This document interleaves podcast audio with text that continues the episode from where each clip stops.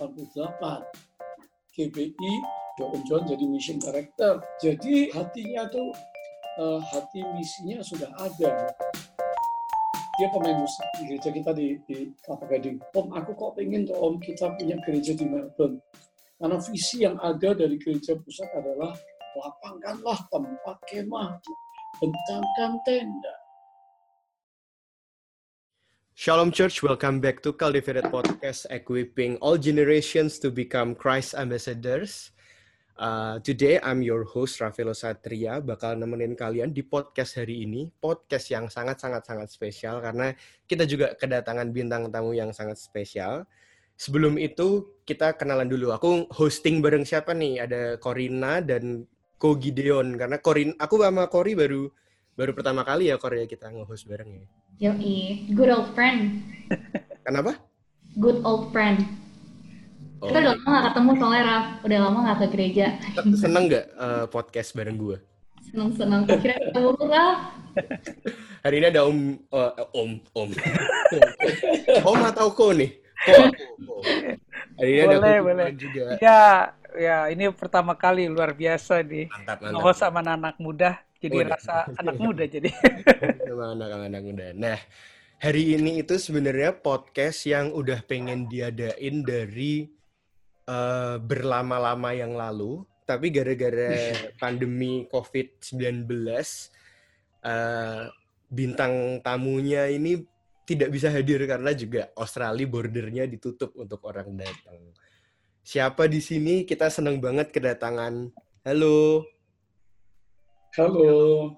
Uh, hari ini kita kedatangan Om Johan Handoyo. Ye, tepuk tangan.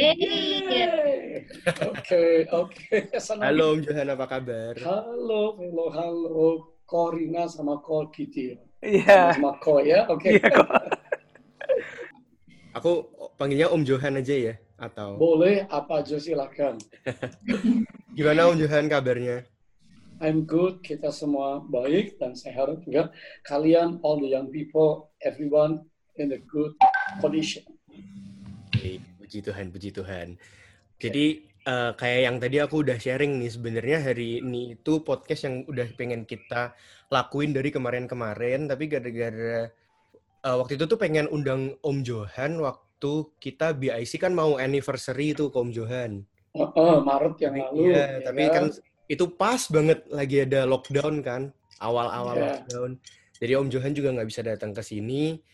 Uh, waktu itu juga kayak sedih banget karena kan waktu itu uh, temanya anniversary BIC. Jadi aku mikir, wah boleh juga nih kita buat apalagi yang anak-anak millennials millennials ini tuh mungkin hmm. belum ngeh juga belum tahu juga history dari gereja kita tuh kayak gimana mungkin kan kita udah bergereja lama tapi mungkin kita tuh juga melupakan history kadang-kadang dan kita eh, nggak uh, tahu juga history gereja kita tuh kayak gimana makanya waktu itu pengen juga untuk oh iya ya boleh juga nih ngobrol sama Om Johan untuk ngomongin gimana sih dulu BIC itu tapi ya pas ulang lah tahun. apa yang kenapa Om Johan pas ulang tahun gitu ya. Pas ulang tahun Ojan. Ulang Tapi... tahun yang keberapa, Phil?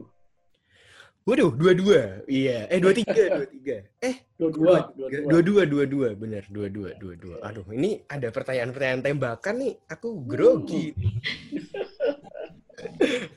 eh, Tapi pertanyaannya, udah lahir belum kalian? Uh, masih. Ayo, ayo. Baru lahir baru lahir baru lahir Kori aduh baru lahir masih imut-imut tapi by the way kita ada di YouTube by the way jadi kalian kalau okay. Kalian kalau mau cek kita ada di YouTube silahkan. Kalau mau kangen lihat mukanya Om Johan silahkan lihat di YouTube. Om Johan uh, mungkin yang dengerin Cultivate Podcast ini kan jutaan. Wah, amin amin. Amin amin amin Jadi mungkin ada yang ini nih, mungkin ada satu dua orang yang mungkin belum kenal, boleh sedikit uh, introduction dari Om Johan uh, menggembalai di gereja mana mungkin? Oh, jadi aku mesti memperkenalkan diri nih ya. Wow. Betul. Oke, aku namanya Johan Handoyo, tapi nama paspornya cuma Epaphras Handoyo. Epaphras itu salah satu muridnya Rasul Paulus juga gitu orang doa gitu ya. Nah, Om Johan sekarang dipercayakan untuk mengembalakan uh, Bethany Church Singapore. Ya, pusat Singapura dalam pelayanan dengan cabang-cabang di Asia yang lumayan banyak itu. Yang kedua juga menjadi uh, gembala senior juga di KBI, Gereja Betel Indonesia, City Tower, Jakarta Pusat. Mother Church kita itu kan Gereja Betel Indonesia. Lalu Johan juga jadi senior pastor overseer lah ya untuk BIC Melbourne, Bethany International Church di Melbourne. Itu dulu deh. Satu istri namanya Tante Betty Handoyo, lalu dua anak dan dua mantu, Ivan Handojo, Joel Handojo, Ivan beristrikan Fiona, dan Joel beristrikan Shemi. Oke, itu kira-kira perkenalan dari Om Johan. Senang. Wih. Om Johan kapan Om Johan kapan bikin lagu baru nih Om Johan? Sekarang lagi bikin lagu baru, mungkin Wih. ada tiga atau empat. Selama masa COVID ada beberapa banyak, tetapi mungkin yang kuat, yang uh, kalau Symphony Worship merekam, tapi saya bilang biarlah lagu-lagu mereka saja yang muncul. Lagu Om Johan, Om Johan simpen nggak apa-apa. Om Johan bagian menseleksi aja deh lagu-lagu baru. Gitu. Wah. Hmm. Nanti mungkin bisa sharing di BIC Melbourne, BIC Melbourne bisa nyanyiin. Waduh. iya loh, ya. Wih, keren banget. Nih, Sibuk banget Om Johan. Kor kehormatan loh kita kor ini kor. Iya. Om Johan. Jadi sebenarnya ya Om Johan, aku tuh bikin podcast ini tuh cuman mau nanya satu pertanyaan ini doang Om Johan. Ini oh, Kor, oh, waktu itu tuh Kor, uh, mungkin lu lupa Kor, tapi dua tiga tahun lalu gue pernah sama lu di Next Gen Kor. Terus Om Johan tuh uh, bagiin sermon. Oh, ingat gue, ingat. Uh, terus waktu itu aku tuh denger Om Johan itu kayak keceplosan kok kok agak-agak medok juga Om Johan. Aku tuh penasaran sampai sekarang tuh nggak tahu Om Johan itu sebenarnya dari lahir orang dari mana Om Johan? Aku dari planet lain, yaitu dari Jawa Tengah, salah tiga. Loh, okay. Tonggo Om Johan, tetangga ya, Om Johan. Ya kita neighbor yang paling dekat, karena dari medoknya, well, Om Johan can feel that you are my closest neighbor. Okay, I was born in I was born in Salatiga, and then moved to Makassar. From Makassar to Jakarta, from Jakarta to go visit and go around the world itu aja. Tapi bisa bisa bahasa Jawa bisa sedikit atau bisa? Oh, kromo inggil juga bisa, ngajar juga bisa, sakit ya. Waduh, keren banget. Yo, wis. Ayo Ravelo. Ayo podcast dino iki nganggo basa Jawa wae. Help help help. Oh, help help help. Translation nih. Ronde kor, nanti lu kalau ke tiga makan ronde. Wah, iya betul. So, ronde and bakso. Oke. Okay. Wah, Ya sudah, sebenarnya itu doang pertanyaan. Enggak, enggak, Om Johan. Bercanda. Oke, okay. goodbye everyone. ah, iya, iya, iya. iya. Oke okay, nih Om Johan. Uh, aku pengen nanya nih Om Johan. Kan kita kan hari ini tuh kan temanya tentang pengen tahu sebenarnya BIC Melbourne itu historinya apa sih? Mungkin banyak yang udah bergereja lama di sini tapi terus gak realize gitu. Oh iya ya BIC itu apa ya historinya? Dan katanya BIC itu uh, kan tadi umurnya udah 22 tahun. Berarti kalau aku nggak salah itu sekitar tahun 1998. Itu Om Johan bisa share sedikit nggak Om Johan kayak early days of our church tuh gimana sih Om Johan? Kayak atau mungkin gini deh, why Melbourne Om Johan kayak kenapa waktu itu milihnya Melbourne? Apa Om Johan tuh dapat visi, dapat mimpi atau dapat gimana? Mungkin bisa sedikit dibagikan Om Johan. Oke, okay, Om Johan sejak tahun 84 itu Om Johan juga sebagai konsultan yang mengirim banyak anak-anak Indonesia studi di luar negeri, bantuan dari AusAid, Australian Aid Funding, utanglah Indonesia utang. USAID, Canadian Canadian Aid gitu ya, lalu Jepang Jepang juga.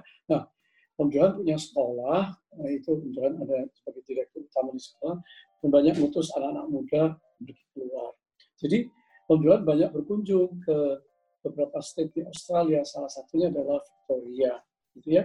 Kenapa kontaknya, hubungannya, kerjasamanya sama semua university yang ada di Aussie, gitu ya, di Kanada maupun di US dan di England. Nah, Om Johan sudah biasa pergi.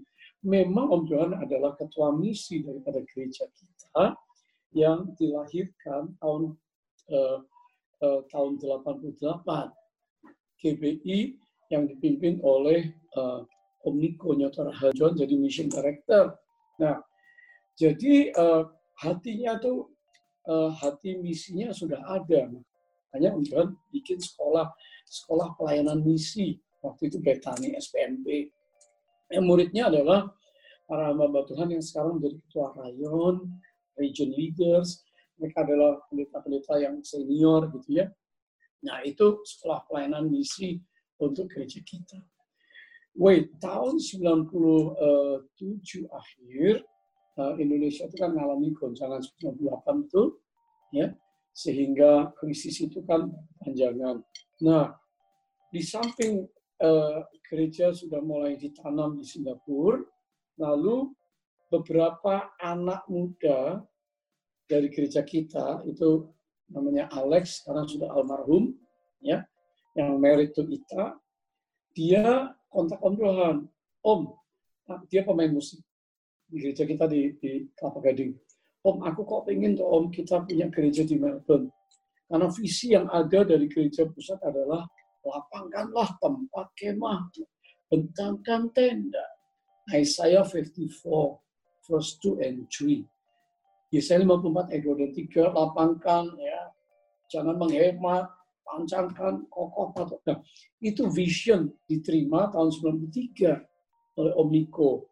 Tentu sebagai mission director, Om Johan pertama harus tangkap itu. Makanya Om Johan bikin sekolah pelayanan misi. Kenapa? Preparing the future missionaries to be sent abroad. Gitu ya. Tapi sekarang siapa misionarinya belum tahu. Why? Because we just planted churches in Indonesia at that, at that time.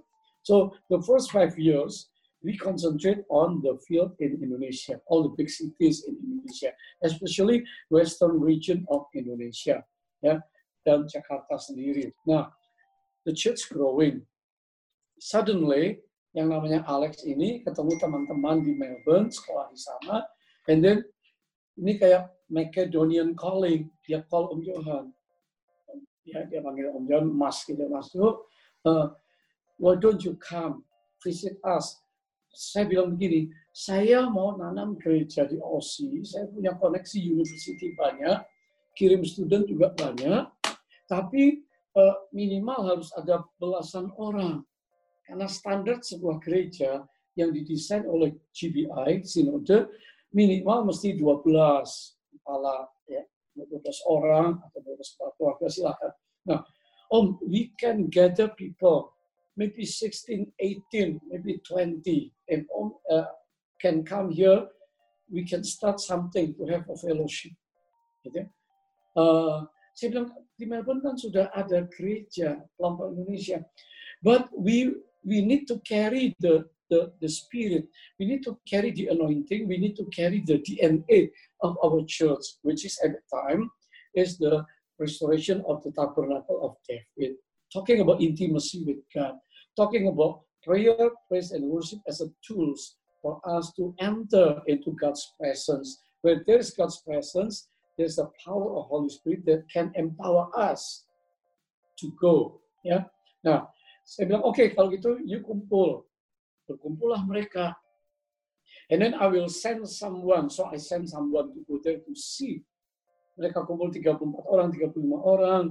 Wah, ini benih gitu ya sampai akhirnya tahun depannya itu diresmikan ya uh, bulan Maret nah makanya ini kan ulang tahun yang ke-22 gitu bulan Maret karena memang itulah uh, gereja yang dimulai jadi visinya adalah jadi rumah doa untuk segala bangsa bukan cuma gereja-gerejaan bukan cuma kumpulan social gathering atau uh, nurturing orang, pastoral care, semua itu ada. Tapi jangan lupa, we have vision.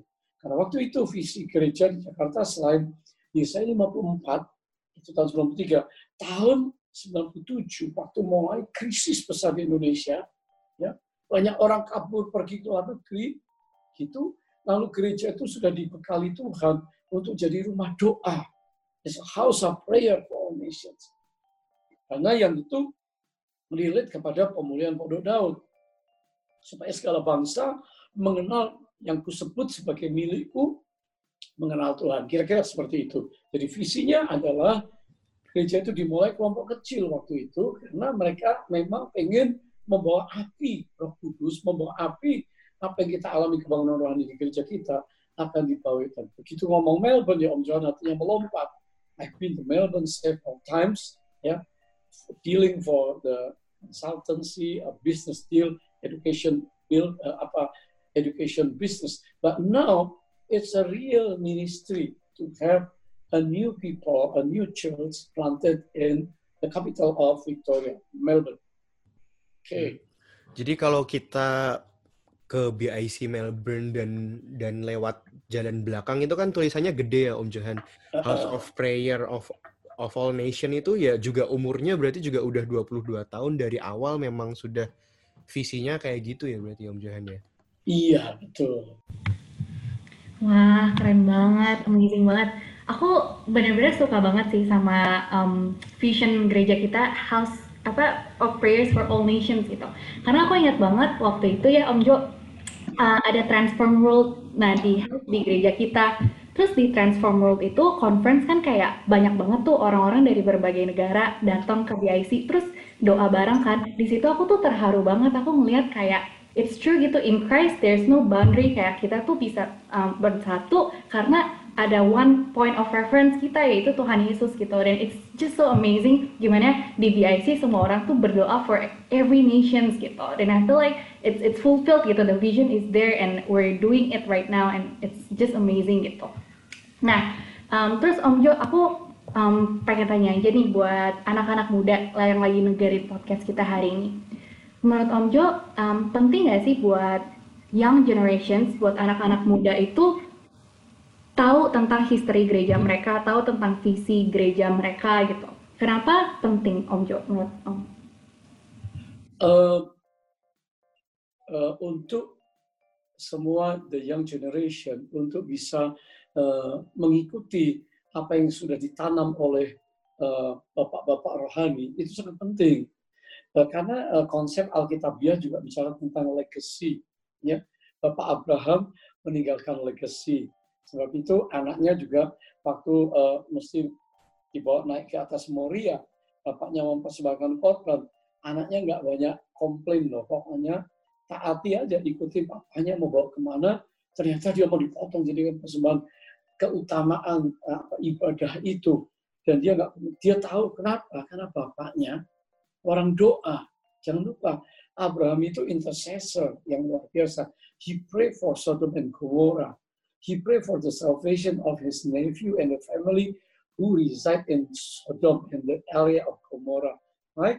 Jadi the Bible tells us about Bapak Abraham selalu kalau bilang uh, orang Israel selalu, selalu disuruh ingat Allahnya siapa? Allahnya Abraham, Allahnya Ishak, Allahnya Jacob. Ya.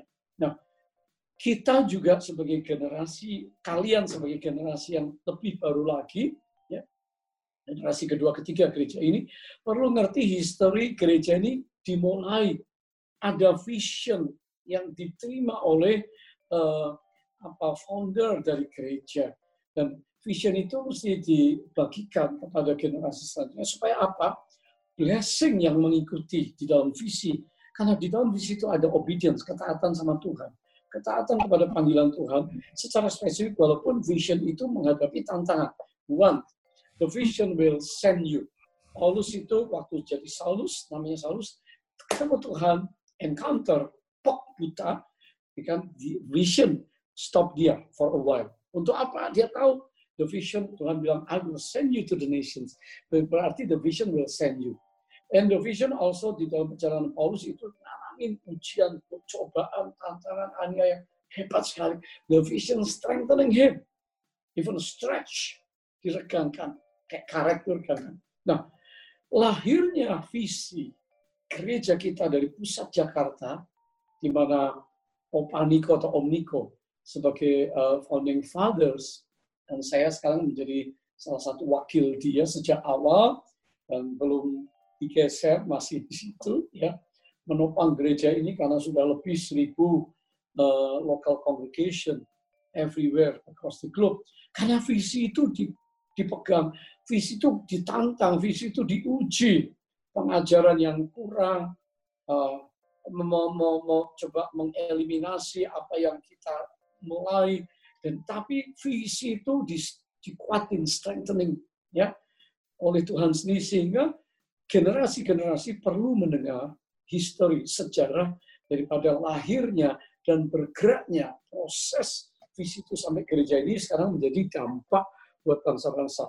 Okay, Corina, you remember last October we we had a Transform World Summit mm-hmm. meeting where around uh, almost 250 or 300 delegates, leaders from all the nations mm. South Pacific Islands nation, New Zealand, Aussie group, Oceania, and then European group, African group, uh, ASEAN, Big Asia, and then also uh, North America and Latino America. So from seven regions of the global mm. leaders, they come to Melbourne, where to the house of prayer for all nations in our premises, our mm. church, and who serve them? all our young people, all the excellent team of our people, serving them. And we pray together. Why? Because to transform the nations, we need the foundation is prayer. So they come to, to the IC Melbourne because we have a heart, we have a vision to reach the nation across the globe. Jadi di situ transformasi dunia, pemimpin-pemimpin dunia bisa kumpul, doa bareng, jalan bareng, bicara tentang transformasi di seven spheres, seven challenges, seven regions of the global, of the world, we are so blessed. Why? Because that is a vision carried by every one of us. History is important. Betul. Wah, keren banget Om Jo. Keren-keren. Nah, jadi kan tadi vision kita berarti um, House of Prayers for All Nations. And what about mission kok? Um, bagaimana waktu pertama-tama tuh apakah pas Koko kepikiran missionnya itu is the mission of the church itu correlates with the vision bagaimana um, mission kita tuh apa sih uh, you tanya ke saya iya iya habis Corina bilang kokoh tadi jadi aku aduh pak aduh maaf oke okay. I, I feel good because you call me kokoh so I, I feel very young Oke, okay. uh, eh, visi besar kita mesti jabarkan. Sebab itu Om Johan kasih visi yang yang yang lebih jelas. Bagaimana dengan pengembangan Yesaya Yesaya 54 mengembang ke kiri ke kanan, nanam gereja, lalu menjadi House of Prayer for All Nations, dan juga visi tentang memuridkan, gitu ya, amanat agung. Johan rangkaikan dengan kata tiga kata R R I R R I to raise up disciples of Jesus Christ. Itu mesti di gereja kita discipleship mesti jalan. Yang kedua, lalu uh, R yang kedua adalah reaching out to reach everyone. Gak cuma tinggal stay di kandang, stay di four walls of the building, tapi untuk reach out. Ya reach ke siapa? Ke community. Community students, community businessmen profesional, community family, community uh, adult atau senior, bahkan community yang di luar gereja, the crowd. Ada crowd kan, si yang pertama, ada community, ada congregation jemaat, ada the committed pengerja, lalu ada core team hamba Tuhannya. Nah, kita harus uh, itu dijadikan misi. Kalau vision Pak, jadi visinya kan tadi R, RI-nya apa? Impacting. Bagaimana kita menjangkau keluar dan memberi dampak ya dengan nilai-nilai kerajaan Allah, kebenaran kerajaan Allah. Jadi misinya tentu dijabarkan dari semua uh, departemen pelayanannya melakukan penjangkauan, pemuritan, penjangkauan, bikin dampak. Ya, jadi itu misi yang harus dijalankan. Karena kalau visi toh sebagai slogan hmm. tidak down to earth yang hmm. terimplementasi, maka visi tidak akan punya gaung dan tidak berdampak. Ya, dengan misi ada action tindakannya gitu. Wah, mantap. Thank you, thank you Om Johan, thank you. Iya, iya, iya, menarik, menarik. Om Johan, kita ini yuk kita sedikit kayak nostalgia sedikit ke 20 tahun yang lalu gitu. Dulu kalau boleh sharing-sharing gitu mungkin Om Johan. Mungkin ini ini akan menjadi cerita yang tidak semua orang tahu nih mungkin Om Johan.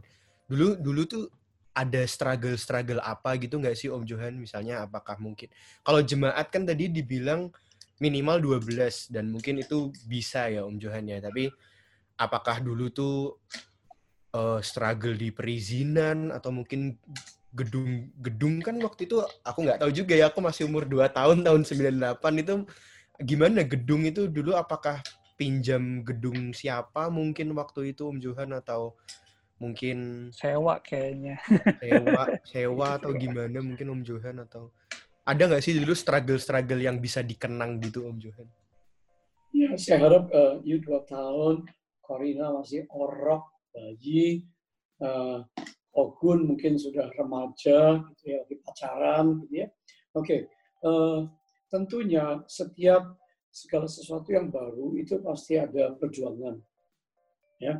Di dalam perjuangan itu pasti ada pergumulan, ya. Tidak pernah terbayangkan bahwa kita seperti sekarang, tapi harus ingat bisa supaya bisa bersyukur.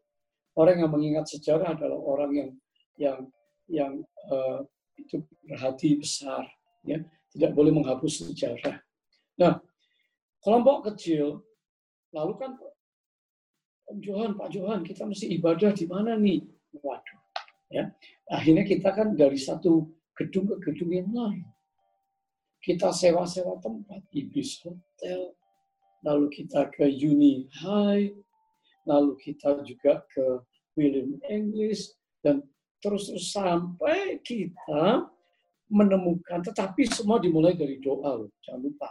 Roh Kudus itu bekerja di Melbourne gereja mula-mula kita itu. Aroma doa, semangat doa, apa saja doa itu luar biasa. Termasuk ngerti tentang doa keliling. Jadi waktu Om Johan lemparkan bahwa kita perlu tempat karena bongkar pasang, anak-anak kecapean, ruangannya penuh, ruangan kecil, yang ada di Ibis Hotel, mengapa tidak kita cari tempat, lalu doa keliling, lalu sekali Om John ke sana diajak ngintip ini kosong nih punya orang Jew di Valentine itu. Kita intip-intip, wah ada kursinya kayaknya 40 atau 50 renggang-renggang gitu. Kursi duduknya ibadah kok kursi plastik putih longgar-longgar. Kayak sekarang kalau new normal ibadah zaman sekarang ini kan mesti jaraknya 2 meter gitu ya. Orangnya sedikit. Nah, Waktu itu juga saya lihat gereja ini, kita doakan di doa-doa yang diurapi, pernyataan-pernyataan nubuatan itu muncul di Melbourne. Gereja ini ada, karena juga banyaknya hamba Tuhan yang menubuatkan, pekerjaan roh kudus yang hebat, kehidupan doa yang bersemangat dan tak henti-hentinya, berapi-api itu menyala. Itu anak-anak muda kita. Atas dasar itu Om Johan berani, Om Johan langsung lapor Om Niko, ya. sampai akhirnya juga pada waktu kita mulai ditawarkan tempat itu harga tinggi secara mujizat kita KKR di di Sofitel yang datang banyak Om John berani tantang yuk nabur yuk fit benih iman itu tantangannya ya. karena jumlahnya berkembang kita perlu tempat supaya kita nggak tiap minggu pindah-pindah kadang-kadang hotelnya dipakai orang kita harus umumkan pindah lagi itu repot ya. sementara nomor satu yang dibangun adalah manusia. Nah, makanya tadi ada pasukan, leadersnya dan anak-anak mudanya itu doa yang luar biasa, nyala apinya. Kalau kita ke Melbourne itu gereja muda, gereja awal yang baru juga diresmikan, orangnya saya lulus back to Indonesia. Tapi tanaman fondasinya itu restorasi pondok daun, ujian penyembahan dan doa itu menyala. Jadi orang itu datang banyak. Kenapa? Karena atmosfer Tuhan, sukacitanya itu, ya, itu datang di dalam ibadah dan terjadi pengembangan. Nah, tempat dibutuhkan doa, para orang sit semuanya, karena kan nggak cukup. kan perlu dana yang besar untuk membeli tempat itu seperempat hektar loh 2.500 square meter ya which is kalikan 11 menjadi kira-kira 27.500 square feet hitungan bulat. It's big amount of money, gedung tua, tapi kita melangkah dengan iman. Kenapa? Karena didorong dengan pernyataan-pernyataan nubuatan, penglihatan, dan doa. Itu yang meyakinkan Om Johan bangun tim. ya, ya. Waktu itu kita melangkah sederhana, tapi wih, unity-nya luar biasa anak-anak muda dan beberapa keluarga. Itu luar biasa. Akhirnya jadi, nah gereja induk kita Jakarta juga tabur dana cukup besar untuk ikut membeli gedung ini supaya kita waktu itu dapat loan dari dari bank tapi kan harus ada certain amount of money you tahu orang-orang yang ambil dana dari bank apalagi kita yayasan gereja ya itu kan mesti kita cukup untuk down payment loan-nya itu supaya nggak terlalu besar. Akibatnya semua terselesaikan. Struggle-nya ada, ada. Bagaimana visi itu bisa terimplementasi? Misinya bagaimana? Bagaimana misi itu bisa berjalan? Nah, bagaimana apa yang Tuhan beritahukan kita untuk tempat itu didoa kelilingin, nubuatan yakin akhirnya jadi rumah doa bagi segala bangsa. Setelah kita renovasi besar lagi ya tahun 2007 nantinya. Oke. Okay. Wah, keren-keren. Um, terus Om Jo, aku punya intermezzo question nih. Dari tadi tuh aku yeah. dengerin Om Jo kayak aku penasaran banget. Sebenarnya Om Jo sebelum kayak aktif dalam gereja kayak gitu, Om Jo tuh occupationnya apa sih? Kayak apakah waktu itu Om Jo businessman kah atau aku penasaran banget. Uh, kenapa Om Jo diminta sekarang dia jadi chairman untuk Transform World? Karena di dalamnya ada E, ada Art Media Entertainment, B-nya ada Business Marketplace. Karena Om Jo dulunya juga memang uh, dunia di dunia profesi dan bisnis. Om Jo memang mainnya arsitek. Wow. Arsitek plus akhirnya menjadi konsultan untuk business education dan juga uh, ya ada travel agent, ada student placement services, ada uh, uh, international school, gitu ya. Lalu juga trading company. Jadi Om Jo punya background memang di bisnis juga sih. Mm. Om Johan, Om Johan harus minum dulu ya. Oke okay, oke okay, silakan Om. This podcast is brought to you by God. He saved both you and I from the death He loves you and He brought us to listen to this podcast so that we might glorify Him and serve His church. Thank you.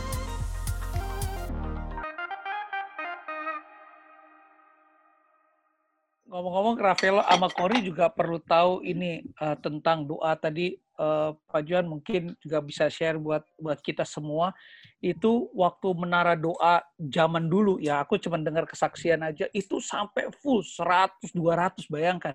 Nah, uh, mungkin uh, bagaimana untuk menggerakkan itu Pak Johan uh, anak-anak muda yang sekarang ini uh, zaman milenial ya uh, Jeremiah generation apakah bagaimana itu membangkitkan spirit doanya seperti beberapa tahun yang lalu awal-awal gereja ini bisa mungkin Pak Johan sharing sedikit uh, sebuah kebangunan rohani, history kebangunan rohani selalu dimulai dari doa. Gereja-gereja mengalami memberi dampak bukan soal size besarnya gereja karena doa. Jadi gereja ini juga ada karena doa dari Jakarta, Om Niko, saya, supaya Tuhan gereja-gereja yang ditanam, ditanam di bangsa-bangsa itu menjadi gereja yang berdoa. Sebab itu semua nama gereja yang di luar negeri kita kasih nama House of Prayer for All Nation. Tentu ada tadi Om John ngomong tentang core team core timnya mesti memang menjadi orang doa. Kalau tidak, tidak bisa. Pada waktu gereja ini awal, maka seluruh core tim itu, doa puasa it's a must. Sebuah keharusan. Awalnya dari keharusan, lama-lama menjadi sebuah kebutuhan kerinduan. Kalau nggak kumpul doa puasa, ada yang kurang di dalam pelayanan hariannya. Jadi doa puasa menggairahkan itu yang dulu, dulu waktu mulai lahirnya menengah doa, ya tahun 2000 ke atas, maka gereja Melbourne juga yang namanya uh, doa puasanya itu, wah, berapi-api, kumpul orang, orang dari mana-mana jauh-jauh pada datang naik kendaraan dingin-dingin, winter time, summer time, sekarang ini winter nih Julai ya, tapi orang datang hangatnya ketemu dan itu api menyala. Sekarang bagaimana generasi sekarang? Zamannya berubah, orang disibukkan banyak sekali dengan ini. Tapi soal kehidupan doa tidak boleh berubah. Abraham doa, setiap zaman di setiap nabi punya struggle yang hebat. Habakuk doa luar biasa. Yesaya yang ngomong soal rumah doa kan Yesaya 56 ayat 78. Doa. Ya. Tidak ada apa itu progres, kemajuan, pencapaian, tuayan tanpa doa. Yesus sendiri di tengah menghadapi uh, hari uh, penyalipannya itu dia orang doa yang luar biasa sebagai manusia. Nah, setelah itu gereja mula-mula itu lahir dari doa. Bertekun berdoa setiap saat.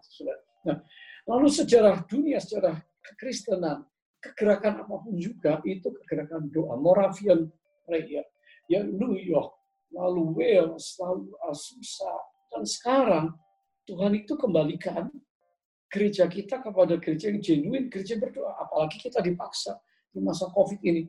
Kalau tidak menjadi gereja atau pribadi berdoa, keluarga berdoa, rumah doa bagi segala bangsa, menara doa, empat level ini Om John sedang ngomong. Pribadi yang berdoa, family who pray, ya. Lalu gereja yang berdoa, ini kul-kul, cell group. Atau menjadi rumah doa bagi segala bangsa. Kita ini mendoakan bangsa-bangsa. Sejak tujuh tahun ini kita akan di mimbar kita berdoa untuk satu nations Bukan cuma di gereja pusat Singapura.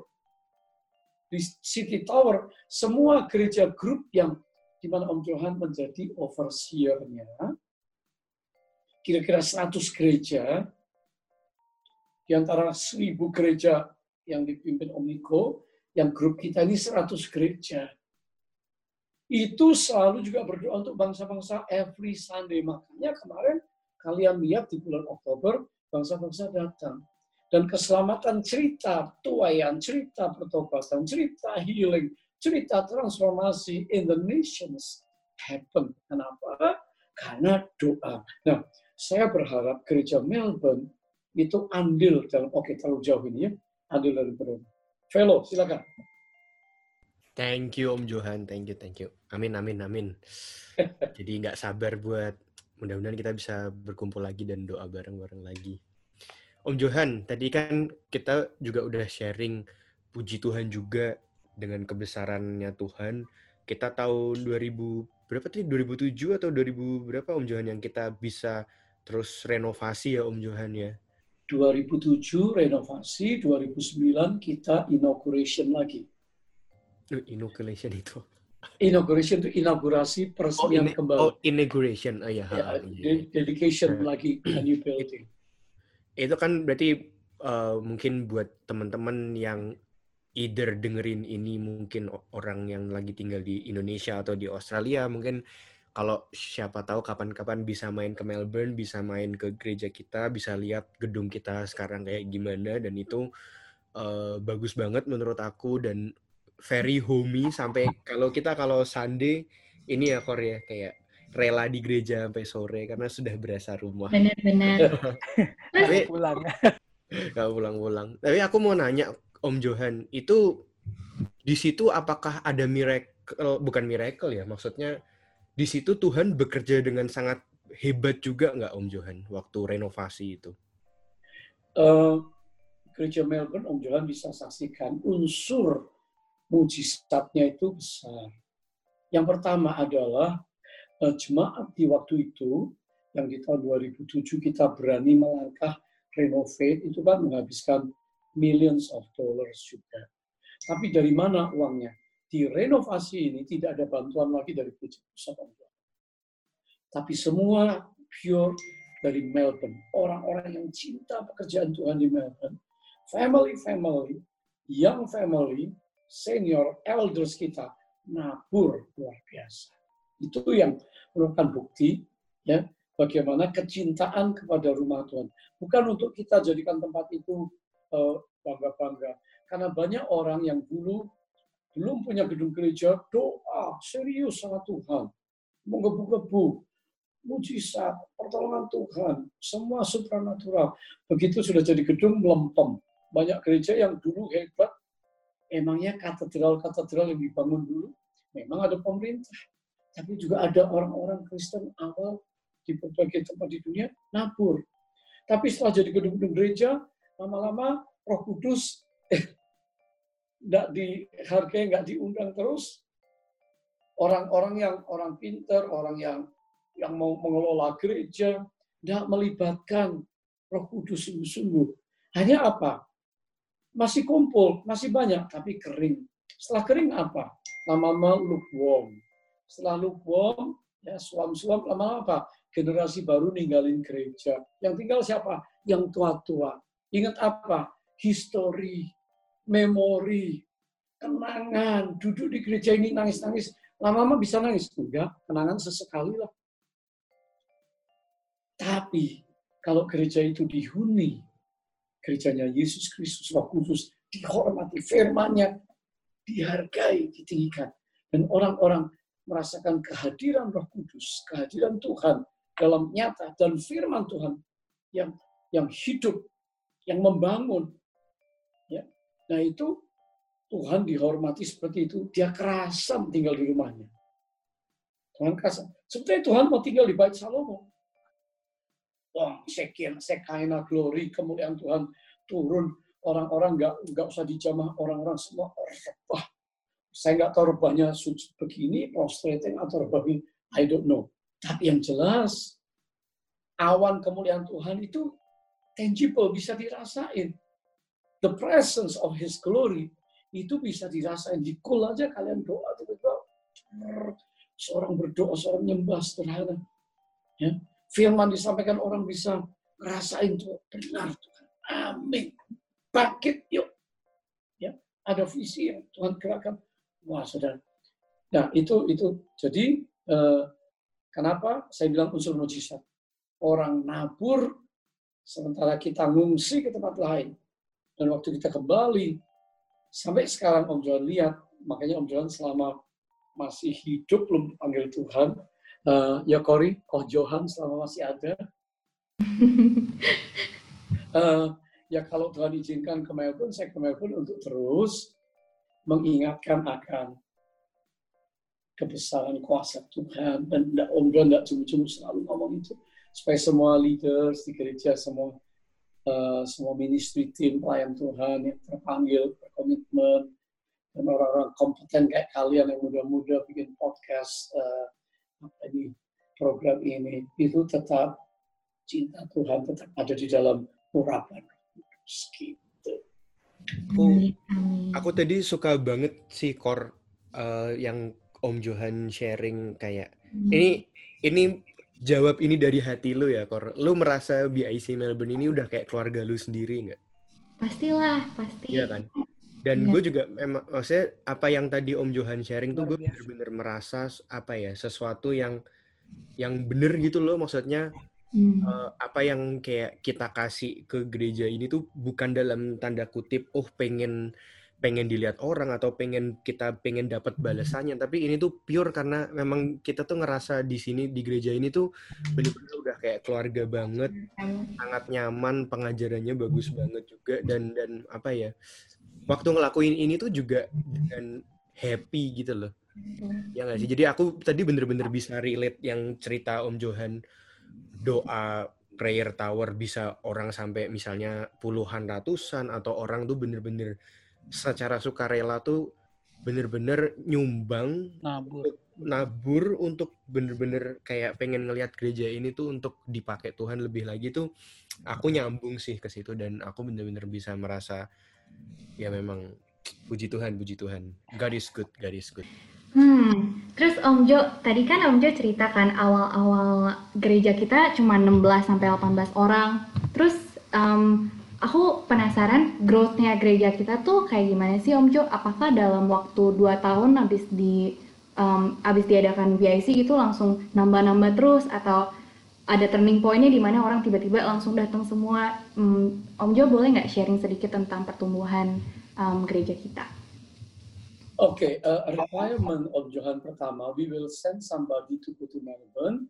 Kalau kumpulannya ada 16 dan waktu itu mereka bilang kita 18 orang Om Johan, ya.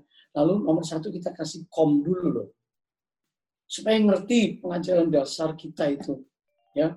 Waktu itu masih tentang salvation, lalu Holy Spirit, lalu divine healing and blessing, lalu second coming, supaya semua yang dari background macam-macam non-Christian atau yang Kristen tapi berbagai denominasi bisa kumpul ke denominasi kita, gereja Pentakosta, New Pentakosta, gereja Pentakosta yang baru, di mana uh, Roh Kudus diberikan penekanan, karena kan uh, tentunya firman Allah, tentu Injil, full gospel, tapi gereja memberi kesempatan untuk Tuhan kerja. Kalau tidak, nanti gereja cuma jadi gereja yang yang monoton, yang biasa.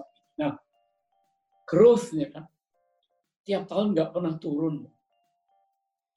Awal datang saya utus seseorang ke Melbourne, stay satu bulan, kita cek dulu, cocok nggak dia jadi gembala? Tidak, gitu ya. Tidak, tarik lagi ganti yang lain. Berganti-ganti, akhirnya beberapa tim empat orang lokal waktu itu, ya, ada Pak Peri Tasik, ada uh, Daniel, lalu ada Ricky, ada itu ada Pak Leo gitu ya. Nah, uh, itu empat orang yang jagain gereja gitu yang mengatur karunia yang beda-beda. Nah akhirnya banyak yang pergi. Growth-nya ada, tapi gini ya, karena gereja ini majority students waktu itu. Beda sama sekarang. Yang udah permanent resident atau citizen, udah banyak dan sudah beranak cucu. Berarti gereja ini sudah menjadi family church. Tapi tetap yang harus jadi motor orang muda. Kalau bukan orang muda jadi motor, gereja akan loyo. Di mana pun kalian. Kenapa? Apalagi millennials di bawah 40 tahun ini, itu yang pintar-pintar sekarang. Contoh sekarang online, gadget, ya, teknologi baru ini. Siapa yang penerobos di dunia ini semakin muda, tokoh-tokoh muda menjadi miliarder, menjadi entrepreneur, lebih usianya lebih muda-muda, penerobos-penerobos itu. Gereja juga harus begitu. Bukannya Om Johan mau kita nanti menjadi mentor, ya mentor. Dan tentunya uh, growth-nya itu dirasakan tumbuh, tapi tiga tahun kuliah selesai pulang, lima tahun pulang, cari kerja nggak dapat pulang, kerja sebentar dipanggil orang tuanya. Jadi itu uh, end out-nya cukup banyak, tetapi yang penting tahun demi tahun tidak menurun. Kita nggak pernah sampai jumlahnya tinggal 100 enggak. Pada waktu gereja diresmikan, itu kira-kira kita ada uh, jemaat tetapnya ya, mungkin about 250 ya. Yang lain masih turis. Come and go. Ya, masih belum. Tapi dalam bergeraknya waktu menjadi 300, 350 ya. Dan sekarang ya sekian hundred lah, oke, okay, jangan nggak perlu ngomong, tapi gereja kita sudah menjadi gereja anchor, anchor church gereja jangkar, menjadi berkat di Melbourne. Dan alumni kita cukup banyak, dan gereja ini telah menjadi berkat di dalam uh, pelayanannya, ya, untuk generasi demi generasi yang datang, growth-nya sampai sekarang tidak berkurang. Ya. Dan itu kita mesti syukuri. Banyak gereja yang stagnan, terus turun pelan-pelan untuk sebuah gereja, kalian bayangkan sebuah gereja dari yang jemaatnya 500 untuk naik jadi 1000 itu nggak gampang. Jarang. Ya. Nanti yang sudah jadi 5000 mentok di situ lama sekali. Perlu terobos lagi. Semua kita, kalau memang gereja langsung semua bisa langsung meledak, ya semua gereja udah laris, sudah banyak orang ternyata. Pemuritan ini adalah berbicara tentang menanam orang menjadi setia untuk juga berbuah. Ya. Selain buah-buah pekerjaan yang baik, tapi ada buah jiwa-jiwa. Dan kita terus on the process untuk melahirkan buah jiwa-jiwa yang ditulis oleh Paulus dalam Roma 1 ayat 10.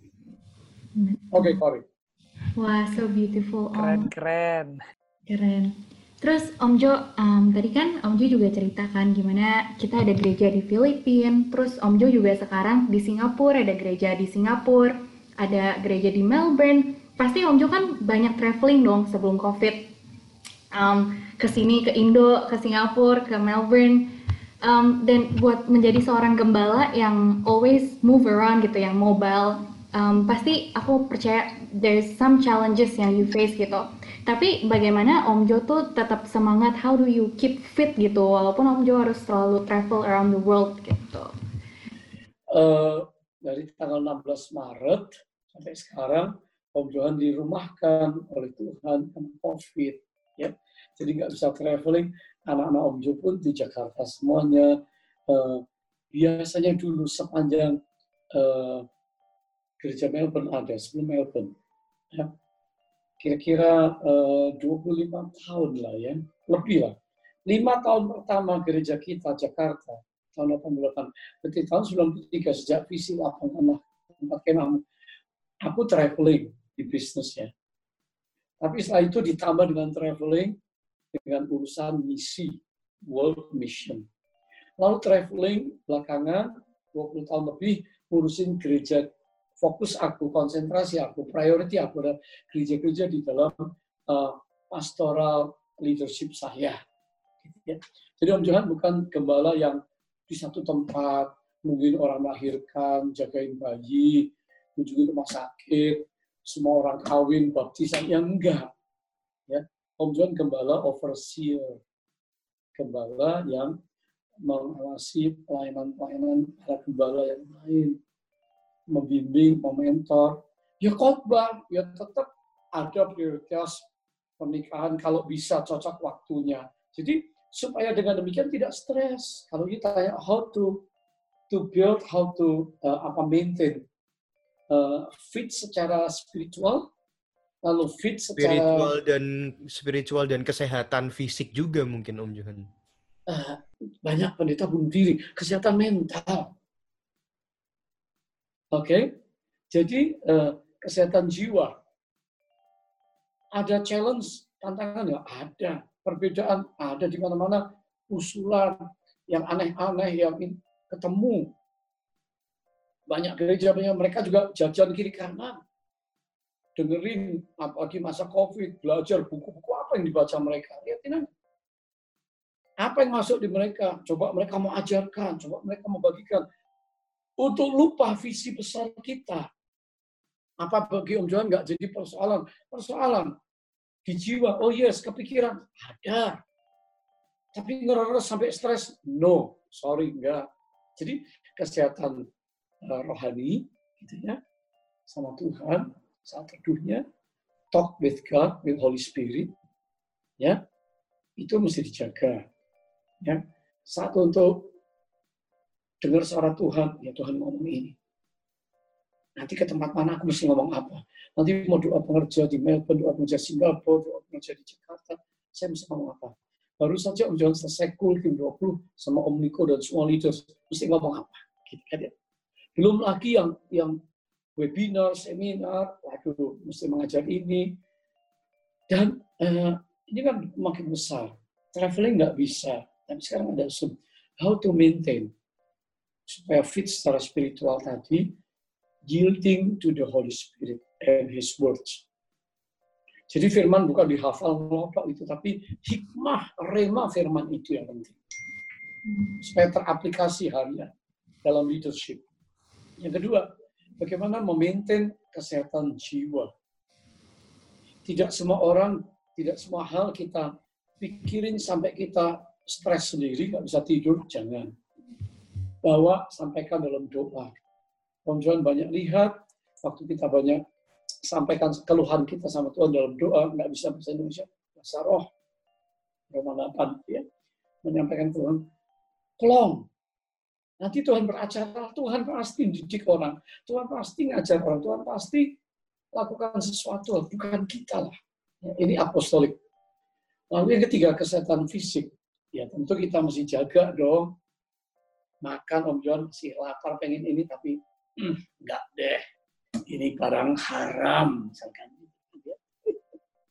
yang ini walaupun enak walaupun ini tidak enak rasanya tapi tante Betty bilang ini vitamin ini penting kalau Johan tahu ya ini memang penting ini unsur vitamin besinya banyak baru saja Om Johan ini buka puasa tadi jam satu seperempat ya aku bilang tante Betty cepat loh aku sudah mau masuk Melbourne ini. Ya, makan, aku dikasih makan bayam. Ya aku makan itu bayam. Ya. Tapi ada teman-temannya bayam lah. Tapi menjaga kesehatan uh, uh, fisik penting, ya. Jangan stres, tidur cukup dan juga olahraga dong. Ya. Thank you Om Johan, thank you, thank you Tuhan. Uh, Om Johan, kalau ada ini nih Om Johan kayak buat ini kan yang denger uh, dari jemaat-jemaat kita di BIC Melbourne juga gitu. Um, ini ada advice atau hope buat gereja kita nggak Om Johan? Atau in the future tuh Om Johan tuh pengennya gereja kita tuh bisa kayak gimana sih? Atau ada pesan-pesan mungkin Om Johan buat kita mungkin yang dengerin juga tuh Om Johan? generasi akan ganti generasi yang lebih senior, yang 50 tahun ke atas akan banyak mementor, ya lebih silent. Tetapi yang bergerak, Om Niko pun sudah dapat dari Tuhan, ya untuk bergeraknya kelompok yang lebih muda, ya secara aktif ya. Artinya mimbar dan yang lain-lain, Om Tuhan mengharapkan akan lahir generasi muda leaders dengan karunia-karunia berbeda-beda. Karena kan ini Roma 12 ini bicara tubuh ya. Apostle tidak sendiri memerlukan orang-orang doa profetik. Orang doa nggak bisa bilang doa-doa sendiri. Dia memerlukan orang-orang lain. Karunia-karunia talenta, penginjil. Supaya dia juga segar hasil doanya. Ada kesaksian orang-orang yang rajin untuk bersaksi Injil jiwa baru, orang bertobat. Nah, pelayanan-pelayanan uh, pastoral, pastoral itu bukan cuma membawain kasih firman, enggak, pelayanan ministry healing itu pastoral. Memang rasul melayani itu. Pastoral itu ministrinya counseling, menyembuhkan, guiding orang, jaga domba-domba, kasih makanan yang bergizi, yang yang sehat dan balance, dan di atas semuanya itu dari semua karunia guru yang ngajar. Kalian tidak bisa ngajar toh orang muda ngajar harus disertai dengan kuasa kudus berotoritas seperti Yesus ngajar dia isinya ngajar tapi hasilnya orang bertobat orang berubah bukan cuma pintar di sini jadi ke depan mimpi saya pengharapan saya selama Tuhan kasih waktu saya untuk ngomong sama Melbourne untuk datang hadir di sana ya tidak selalu aku bisa datang. Paulus juga bilang, tidak selalu aku bisa datang ke Roma, ke Korintus, ke Galati, ke Efesus, ke Paulus, ke mana-mana. Tapi dia kirim surat. Zaman sekarang kan nggak surat kita Zoom. Zaman sekarang kita apa? Video. ya Dan apa yang Om Niko sampaikan diserap sungguh-sungguh untuk dipraktekkan. Apa yang saya sampaikan jauh. Apa nanti yang gembala-gembala di sana sampaikan. Ya, yang yang dari Tuhan untuk bersama-sama dalam gelombang visi yang baru ini. Nah, hope saya adalah the next generation dimulai sekarang bersiaplah. Perlu waktu yang panjang. Elisha ngikutin Elianya. Gitu ya. Yosua ngikutin Mosesnya terus. Gitu. Jadi tidak aku bikin pelayanan sendiri, ah aku kayaknya ini zamannya aku bikin uh, vlog yang baru, aku bikin acara-acara baru, YouTube ini itu ah, tinggalkan gereja. Lihat aja siapa yang mau sendiri. Prinsip kerajaan Allah, prinsip gereja Tuhan itu tubuh Kristus. Saling melengkapi. Nggak ada tangan sendiri jalan. Penginjil sendiri. Udah nggak zamannya. Jadi di sini rambu-rambunya jelas. Supaya gereja ke depan punya divine order, ketertiban ilahi, tetapi rohnya, ya, spirit dan semangatnya itu semangat gereja seperti gereja mula-mula atau history daripada gereja kita mula-mula yang lahir dari gereja Jakarta. Gereja Jakarta kita, Om Niko dan rayon-rayon tetap on fire. Kira-kira begitu? Oh, very inspiring. Thank you, Ko. Eh, Ko lagi. Om Jo. Thank you, Ko Johan. Thank you, Ko Johan. Terima kasih banget loh Om Johan udah mau kita ganggu hari Sabtu ini untuk Terima kasih Pak Johan. uh, yes, yes. Sama-sama. Kiranya kiranya apa yang Om Johan sharingkan uh, menjadi berkat ya Aku punya satu pertanyaan terakhir paling susah nih Om Johan nih buat Apa itu? buat Om Johan nih. Apa itu? Kira-kira dari ini tidak harus mengenai gereja ya uh, Om Johan. Jadi ini personal aja. Do you have any favorite Bible verse nih Om Johan nih buat kita nih Om Johan? Bible verse yang favorite untuk aku tuh banyak. Ya. So many favorite favorite Bible verse. Tapi satu ayat yang juga banyak terngiang di Om John karena Om John banyak memberikan Bible verse bukan not only for me, for my spiritual growth, for my uh, apa itu strength, tapi juga menjadi berkat orang lain adalah Ephesians 3:20 menjadi ayat bagi Om John juga untuk menguatkan aku, menguatkan orang lain. Daripada aku bilang Tuhan gembala yang baik, tapi aku lebih tahu bahwa interact antara dia yang kudus, yang suci, yang maha tahu, maha mampu, maha, maha sanggup, sumber hidupku, dan aku dalam pergumulanku pikirkan dan aku doakan. Hidup Kristen kita kan hidup visi depan, planning ke depan, dan doa kita. Kan? Tapi Tuhan sanggup melakukan jauh lebih daripada itu. Makanya kita sering kali terheran-heran. We will be amazed on what God is preparing for us. Luar biasa, luar biasa. Terima kasih Pak Johan. Iya, thank you Jo udah jawab-jawab pertanyaan kita. Yaudah kita come to a close now. Um, buat para pendengar-pendengar kita hari ini, thank you juga udah dengerin kami dan we hope this message inspire you, encourage you, and also challenge you. Um, sebelum kita tutup, Om Jo, um, boleh nggak Om Jo doain buat kita dan buat para-para pendengar juga, especially in this season di COVID-19 ini, mungkin people are discouraged. Um, maybe you can help us through your prayer.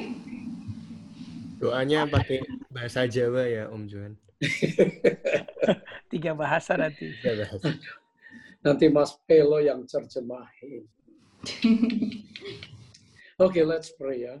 Bapak Surgawi yang baik, namamu kudus, namamu mulia, ajaib, dan berkuasa. Hambamu datang bersama tim podcast di IC Melbourne, Hello, Corina, dan juga hari ini Mas Gun bersama kami. Kami berdoa untuk pelayanan ini terus akan berkembang menjadi saluran berkat buat banyak orang muda, keluarga muda, senior, siapa pun juga.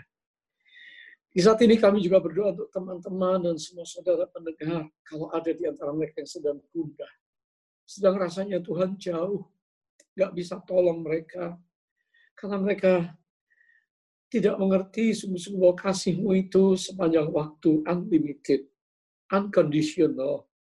Saat ini Tuhan kami bawa rekan-rekan kami yang lemah, yang bergumul, yang sedang galau, yang sedang lukewarm, kembali Tuhan jamah mereka. Supaya mereka mengalami kasih Yesus, kasih yang mula-mula, first love. Jatuh cinta sama Yesus. Karena Yesus kami ajaib, tidak berubah. Yesus kami tetap sama dan menjama, mengasihi, mau mengangkat anak-anakmu semua.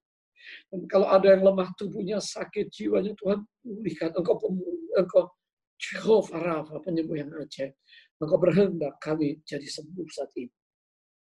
Kami berdoa kalau ada di antara para pendengar adalah orang-orang yang sudah setia, sudah berkomitmen dan sedang ada di dalam pelayanan berikan pada mereka roh yang teguh supaya mereka karena Allah kami setia mereka setia sampai akhir. Kami tidak akan berhenti. Apa pun yang terjadi kami tetap akan on fire berapi-api sampai garis akhir masing-masing kami. Tuhan berkati gerejamu, PIC Melbourne, dan semua teman-teman yang mendengarkan podcast ini. Kami berdoa untuk gerejamu di seluruh dunia, orang percaya di mana-mana. Tambahkan iman kami supaya kami bisa menginjil, bersaksi pada rekan-rekan, supaya kami memberi dampak, supaya banyak yang diselamatkan, banyak yang ditebus, banyak yang masuk iman, banyak dipulihkan, banyak yang menjadi orang-orang yang akan berjalan bersama Tuhan untuk masuk dalam rencana Tuhan yang ajaib. Kau memberkati kami, dan di dalam kasih Yesus Kristus, nama yang ajaib, kami sudah berdoa. Kami yakin Tuhan dengarkan doa kami. Haleluya.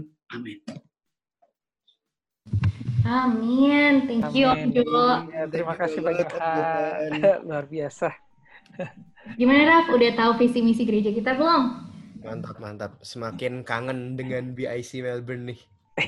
Benar. Oke, thank you banget Om Jo buat waktunya. Thank you juga Raf dan Ko Gideon yang udah setia nemenin kita.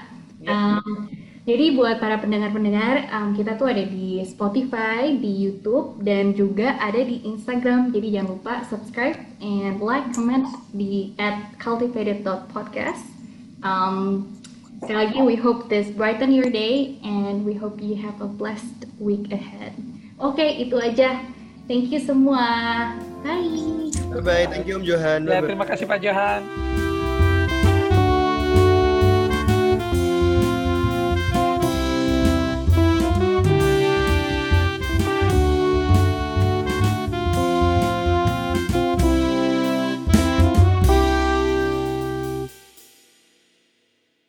Terima kasih sudah mendengarkan podcast kami. Share podcast ini kalau menurut kalian memberkati. Cultivated Podcast tersedia di Spotify dan YouTube dan kalian bisa cek juga Instagram kita di cultivated.podcast. Terima kasih.